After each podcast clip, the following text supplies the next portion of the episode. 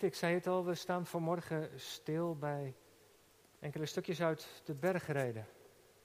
En de reden was dat we in de jongerencatechese in het afgelopen seizoen samen deze bergreden hebben bestudeerd. Alleen aan het slot waren we nog niet toegekomen en ik dacht nou, dan ga ik in deze dienst die serie maar afronden. We lezen het begin en het slot. Matthäus 5, 1 tot en met 10. De bergreden, het onderwijs over het koninkrijk begint met de genade van God. Dat wat naar ons toekomt. Hoe we worden toegesproken. Toen Jezus de menigte zag, ging hij de berg op. En nadat hij was gaan zitten, kwamen zijn discipelen bij hem.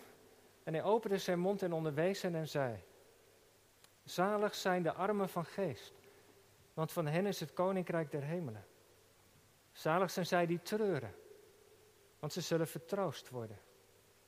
Zalig zijn de zachtmoedigen, want zij zullen de aarde beërven. Zalig zijn die hongeren en dorsten naar de gerechtigheid, want zij zullen verzadigd worden. Zalig zijn de barmhartigen, want aan hen zal barmhartigheid bewezen worden. Zalig de reinen van hart, want zij zullen God zien. Zalig de vredestichters, want zij zullen Gods kinderen genoemd worden. Zalig zijn zij die vervolgd worden om de gerechtigheid, want van hen of voor hen is het koninkrijk der hemelen. En dan gaat de Jezus verder. Allerlei onderwijs passeert de revue over het omzien naar elkaar, over het gebed, over bezorgd zijn wat we lezen. En hij eindigt het met de wijze en de dwaze bouwer, vers 24 uit hoofdstuk 7. Daarom, zoals een soort conclusie, ieder die deze woorden van mij hoort en ze doet, die zal ik vergelijken met een verstandig man die zijn huis op de rots gebouwd heeft. De slagregen viel neer, de waterstromen kwamen, de winden waaiden, stortten zich op het huis, maar het stortte niet in, want het was op de rots gefundeerd. Ieder die deze woorden van mij hoort en ze niet doet, zal met een dwaze man vergeleken worden die zijn huis op zand heeft gebouwd. De slagregen viel neer, de waterstromen kwamen, de winden waaiden en sloegen tegen dat huis en het stortte in, zijn val was groot. En toen Jezus deze woorden had geëindigd, gebeurde het dat de menigte versteld stond van zijn onderricht. Want hij onderwees hen als gezaghebbende en niet zoals de schriftgeleerden dat deden. Tot zover de lezing van de woorden van God. We zijn zalig als we die woorden niet alleen horen, maar ze ook bewaarden, ook in de praktijk brengen. Het thema voor de verkondiging, u heeft het zien staan, jij hebt het zien staan op de zondagsbrief, een fundament dat stevig is. Gemeente van Christus, broeders en zusters, thuis en ook hier in de kerk. Soms zegt een beeld meer dan duizend woorden. De manier waarop Jezus zijn lange preek over het koninkrijk van God eindigt, moet op de mensen daar, de hoorders, wel indruk hebben gemaakt. Ze zagen het namelijk, en zo gaat het natuurlijk als je dat hoort, ze zagen het allemaal voor hun ogen gebeuren. Hoe die arme man zijn huis bouwde dicht bij de rivier. Tegen alle adviezen in. Het was een betere plek in zijn ogen, dicht bij het water, mooie uitkijk. Betere plek was er niet. Maar iedereen wist dat het riskant was. Want het kon namelijk geweldig regenen in de bergen en dan door die wadi, een stortvloed van water. Ja, je liep wel risico. Kon beter hoger opbouwen. In ieder geval, zoals in Israël dat goed kan, stevige bodem bouwen. Een beeld, een kort verhaaltje zegt meer dan duizend woorden. En met dit voorbeeld sluit Jezus dat onderwijs over het koninkrijk van God, over Gods nieuwe wereld af. Matthäus heeft het samengevat of opgetekend, opgeschreven in de hoofdstukken 5 tot en met 7. De bergreden, Jezus zit op een berg en geeft onderwijs, je zou ook kunnen zeggen, de preek vanaf de berg. En jongelui, waarom sluit Jezus dat onderwijs af met dat korte verhaaltje? Hij had natuurlijk toch ook gewoon tegen de mensen kunnen zeggen, nou, dit is wat belangrijk is, ga heen en doe het. Want dat is in ieder geval wel de strekking natuurlijk van wat hij wil zeggen. De wijze man is iemand die de woorden van Jezus niet alleen hoort, maar ze ook in de praktijk brengt en wat mee doet. En daar gaat het om. Toch? In het afgelopen jaar hebben we op de jongere catechese, fysiek en digitaal, samen dit onderwijs van Jezus bestudeerd en met elkaar over gesproken. Betrokken op ons eigen leven ook. Vandaar dat we er vanmorgen dan ook mee afsluiten. En het thema dat regelmatig langskwam, de jongeren weten dat, was dit. Dat het onderwijs van Jezus bedoeld is om zijn leerlingen te vormen. Dat ze straks de wereld ingaan, dat ze op aarde leven, maar, maar volgens de waarden van het Koninkrijk van God. Dat die waarden van Gods nieuwe wereld in hun hart zitten en hun leven van binnenuit veranderen. Want straks stuurt Hij ze op pad en ze mogen Hem, zijn geroepen Hem te vertegenwoordigen, licht te verspreiden in de wereld. Dat is hun roeping. En er is geen plan B. God wil het met hen doen. En met ons trouwens ook. En dat is de reden dat Jezus dit onderwijs op deze manier afsluit. Omdat er geen plan B is, komt het er dus op aan dat zijn leerlingen niet alleen zijn woorden horen, voor kennisgeving aannemen, maar die ook in de praktijk brengen. Jacobus, die verwoordt het zo, wees niet alleen hoorders van het woord, maar ook daders. En dat is de strekking van deze gelijkenis. En het kleine verhaaltje dat Jezus vertelt over die twee bouwers gaat eigenlijk maar over één ding. Het fundament. En wie een huis bouwt, weet hoe belangrijk dat is. Als het fundament niet goed is, één kant niet goed is, dan loop je het risico dat de zaak gaat verzakken.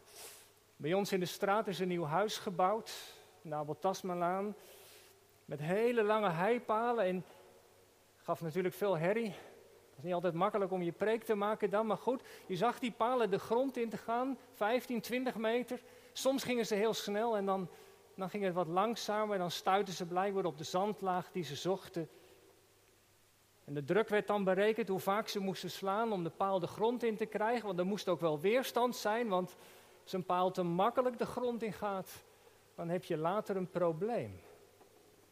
De plannen zijn van tevoren gemaakt, materialen maar het fundament, dat voelen we allemaal aan, is echt belangrijk, van groot belang.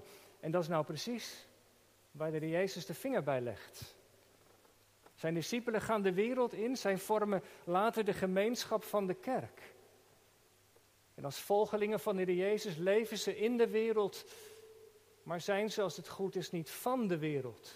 Ze zijn bedoeld, geroepen om hier op aarde te leven volgens de waarden van het koninkrijk met de hemel in hun hart. En dat onderwijs van Jezus gaat daarover. Je kunt het zo in een paar uur lezen. Je hebt een leven lang nodig om het te verwerken, maar het is goed om het van tijd tot tijd weer eens te lezen, want dat is de kern van zijn onderwijs over Gods nieuwe wereld. De armen van geest. Het zoeken naar de gerechtigheid, barmhartigheid, over rein van hart zijn. Al die andere dingen over het omzien naar de naaste, over je karaktervorming, over het belang van het gebed. Over bezorgd zijn, over eerlijkheid, over seksualiteit, over relaties. De jongere catechese hebben heel wat van die thema's besproken. Dat was bijzonder mooi om te doen. Ze deden ook heel goed mee. Dank je wel nog. In al die dingen ging het dus eigenlijk hier dus over. Leven op aarde volgens de waarde van de hemel. En dan in dat voorbeeldje die regen, die wind, dat water, ja, die staan voor de moeilijkheden die je als gelovige meemaakt. Waar kun je aan denken? Nou ja, dat weten we toch wel. Als het regent of stormt in je leven, teleurstellingen die je meemaakt, verleidingen, twijfel, pijn, zorgen, aanvechting, problemen, eenzaamheid, moedeloosheid. Al die dingen, die overkomen ons, die komen naar ons toe. En hoe kunnen we in dat alles staande blijven? Jezus zegt dat kan alleen maar als de basis goed is, als het fundament goed is. Dat huis dat die twee mannen bouwen, dat snappen we wel, dat staat voor ons levenshuis. Dat gaat over ons plekje op deze aarde. Plekje dat we van de Heere God hebben gekregen. Dat gaat over het leven dat we leiden, de relaties die we hebben. Als je bezig bent met je studie of je werk, je relaties, je idealen, je verlangens, waar je zo elke dag mee bezig bent, daar gaat het over. Maar hoe stevig is je levenshuis? Houdt het stand? Stormt? Is het stormproof? Ja, dat fundament, daar zit nou precies het verschil in. Het enige verschil tussen de wijze en de dwaze bouwer heeft met dat fundament te maken, want voor het oog zijn die huizen helemaal gelijk. Maar wat het fundament betreft zijn ze verschillend. Die ene man heeft veel meer tijd besteed aan het leggen van een goed fundament. De andere man had haast. Gunde zich de tijd niet voor de diepere dingen, de diepere vragen. En die is gewoon gaan bouwen. Voor het oog twee identieke huizen, maar het verschil is pas zichtbaar als het gaat stormen. En waar moeten bij dat fundament aan denken? Nou, dat is natuurlijk ook niet zo moeilijk. Jezus zit op de berg. Dat fundament, dat gaat natuurlijk over Hemzelf. Wat geeft ons leven houvast? Dat fundament is Jezus zelf. Hij is de rots waarop je moet bouwen. Het wordt ook duidelijk in inleidende woorden van die gelijkenis. Ieder die deze woorden van mij hoort en ze doet, mijn woorden horen. Het gaat eigenlijk in die bergreden, het onderwijs, over de persoon van de Heer Jezus zelf. Hij is de rots en die wil van al die mensen ook het fundament van hun leven zijn. En weet u, weet je, als je even terugbladert in het hoofdstuk, net voorafgaand aan die gelijkenis, zegt Jezus een paar dingen. Er zijn mensen die allerlei dingen voor God hebben gedaan. Ze hebben zelfs prachtige profetieën uitgesproken. Ze hebben mensen van demonen bevrijd. Heel veel bijzondere dingen gedaan in de naam van Jezus. Actiever dan ooit. Maar Jezus zegt tegen ze: Maar vriend, ik ken je helemaal niet. Wie ben je eigenlijk? Je kunt je dat niet voorstellen. Dat je allerlei dingen doet voor God. En dat Jezus zegt van, joh, maar ik ken je eigenlijk helemaal niet. Ik heb je niet gekend. Ze hebben veel dingen gedaan, erg actief geweest, maar ze hebben niet geïnvesteerd in de band, de relatie met Jezus. De Amerikaan Tim Keller wijst erop aan de hand van deze gelijkenis, maar dat doet hij natuurlijk wel vaker in al zijn boeken. Het verschil tussen de wijze en de dwaze bouwer vergelijkt hij met het verschil tussen religie en relatie. Religie, dat is dingen doen voor God. Goede dingen, goed bedoelde dingen. Maar religie, dat gaat van buiten naar binnen. Je doet allerlei dingen, geeft je een goed gevoel, bevestigt je identiteit. Dat wat je doet voor God of voor een ander, dat geeft je een gevoel van eigenwaarde. En hoe meer je doet, hoe zekerder je voelt. Je identiteit ligt in wat je doet. Nou, dat is een valkuil. Dat, dat herkennen we denk ik allemaal wel. Dat die identiteit van ons en dergelijke zo vaak zit in de spullen, de dingen die we doen, de prestaties. Maar relatie, dat gaat van binnenuit naar buiten, vanuit het hart. En daar is het nou Jezus om te doen.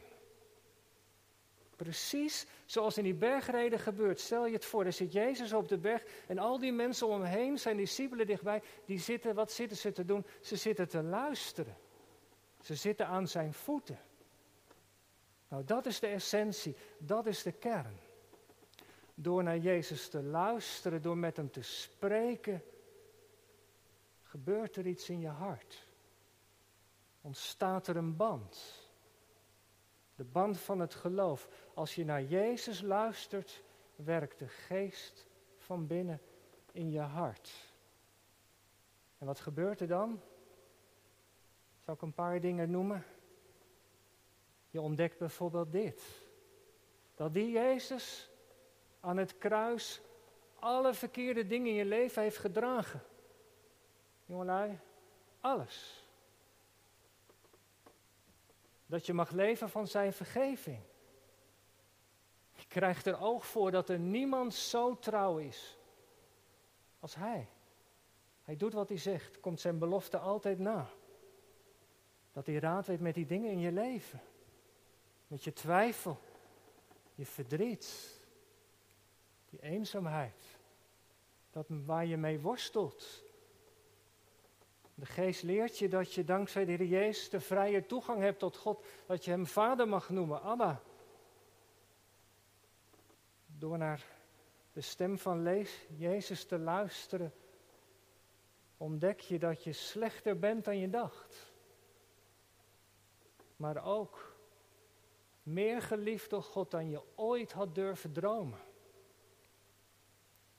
Door dieper te graven in het woord krijg je meer zicht op Jezus.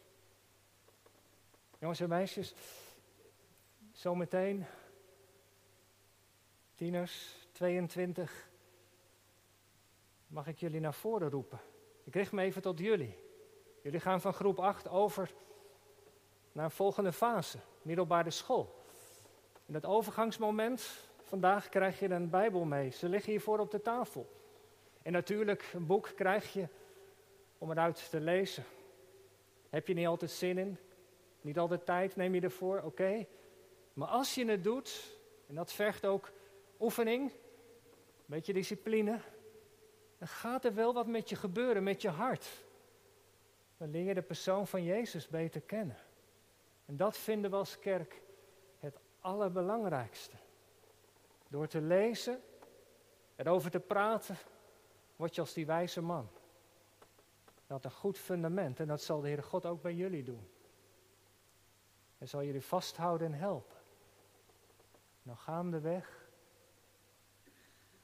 zul je ook meer van hem gaan houden. Want gemeente, daar gaat het om, kort gezegd.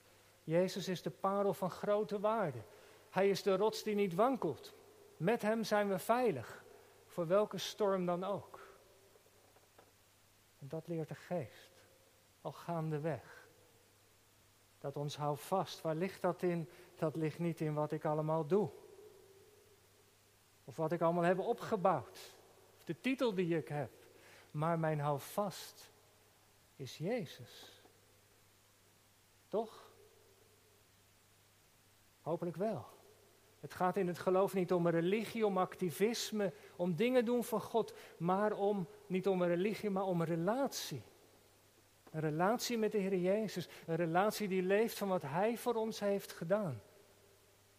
Zijn vergeving, Zijn nabijheid, Zijn kracht, die worden met vallen en opstaan, maar steeds meer het rustpunt, het fundament van ons leven. Jongens en meisjes, in Italië staat die scheve toren van Pisa. Lijkt bijna, staat bijna op omvallen. Er is natuurlijk in het begin wat misgemaakt toen ze die toren bouwden. Op een of andere manier was het fundament niet goed en al gaandeweg is die meer verzakt en hij dreigt bijna om te vallen. Er zijn allerlei berekeningen over dat, dat het nog net gaat en is natuurlijk al zijn ze bezig geweest om dat te ondersteunen. Maar, maar het beeld is duidelijk, zo'n toren die zat scheef omdat er ergens aan de basis iets niet goed zit. En als de basis niet goed is, dan wordt het, als je gaat bouwen, verder niks. Maar weet je wat ik nou zo bijzonder vind? Dat het in het geloof niet zo werkt. Ook al heb je nog geen fundament of is het fundament nog maar half gelegd en durf je dat nog niet te beamen dat de Jezus je fundament, je rots is, dan kan het wel worden. Begin maar door naar hem te luisteren. Begin maar met lezen, dan zorgt hij er zelf voor dat je levenshuis steeds stevigere bodem krijgt, een steeds steviger fundament. Hij zorgt ervoor dat je de stormen kunt trotseren. En ook die grote storm aan het einde van de tijd. Als Jezus terugkomt om te oordelen, is je levenshuis zeker. Met Hem ben je veilig. Zonder Hem ben je dat niet. Wees dus als die wijze man. Leef niet oppervlakkig, maar blijf spitten graven in de woorden van God. Dan ben je wijs. Gemeente, nog één ding. Nog één ding. Zegt Jezus nou niet aan het voorafgaan aan die gelijkenis, wie mijn woorden hoort en ze doet, legt hij nou niet een geweldig groot accent ook op het tweede, op het doen? Het gaat toch om dat we niet alleen hoorders zijn van het woord, maar ook daders. Ja, dat is waar. Maar weet u, weet je, het is waar, als het alleen bij horen blijft, dan lijken we op die dwaze man. Maar weet je wat nou het geheim is van dat doen? Dat is een vrucht. En daar heeft Jezus net een paar versen eerder over gesproken. Een vrucht groeit aan een boom. In de pastorie hebben we een, achter in de tuin een pruimenboom staan en een perenboom. De vruchtjes zijn alweer zichtbaar. Elk jaar verrassend wat het weer gaat opbrengen. Zon, water zijn nodig, maar verder kun je er niks aan doen. Ja, misschien soms wat bladeren weghalen, maar voor de rest moet je het laten gebeuren. Meer kunnen wij niet doen. Wat nodig is voor zo'n vrucht? Eén ding. Verbonden blijven met de tak. En soms heb je dat wel eens, jongens en meisjes, dat zo'n tak afbreekt.